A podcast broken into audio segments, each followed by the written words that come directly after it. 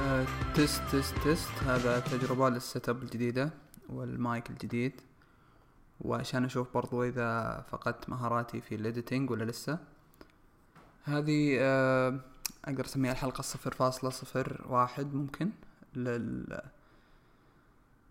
potential podcast اللي ممكن أسويه. آه، إلى الآن حتى ما أدري إذا بنشر هذه ال- هذا التسجيل ولا لا.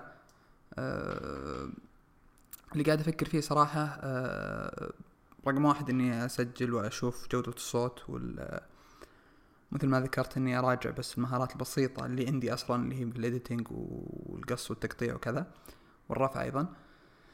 النقطة الثانية اللي هي غالبا راح تكون في آه، استشارتكم واخذ رأيكم في كيف راح يكون ال format أو المنهجية حق البودكاست.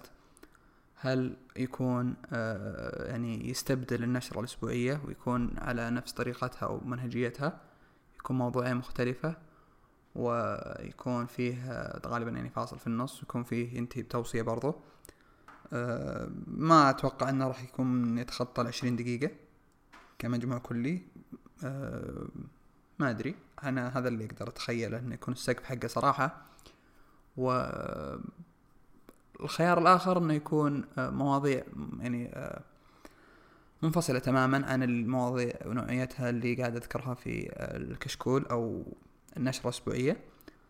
يكون تقريبا أبو خمس دقائق إلى عشر دقائق يكون حاجة كذا خفيفة لطيفة ظريفة ممكن الواحد يسمعها وهو رايح وهو راجع من الدوام whatever whenever wherever. فعلموني وش وش رأيكم؟ وهذه مشكلة فيني طبعا اللي هي صراحة من من فترة كثيرة وأنا أعاني فترة طويلة وأنا أعاني من آه، استخدام الكلمات الإنجليزية والمفردات الإنجليزية في كلامي. تحسنت آخر سنتين أتوقع بس إنه ستيل يعني ما بعد وصلت النقطة أو الحالة اللي أرضى فيها عن نفسي تماما. لازلت تحتاج آه، أتطور وأتحسن في هالناحيه وبس والله فما أدري ردوا علي. بإيميل ولا في تويتر ولا أي مكان آخر تقدرون توصلوني فيه. آه، إذا الجودة كويسة وأروح مع الخيار الأول والخيار الثاني وإذا في أي اقتراحات أي أشياء أخرى يعني أنا مرحب بالشيء هذا.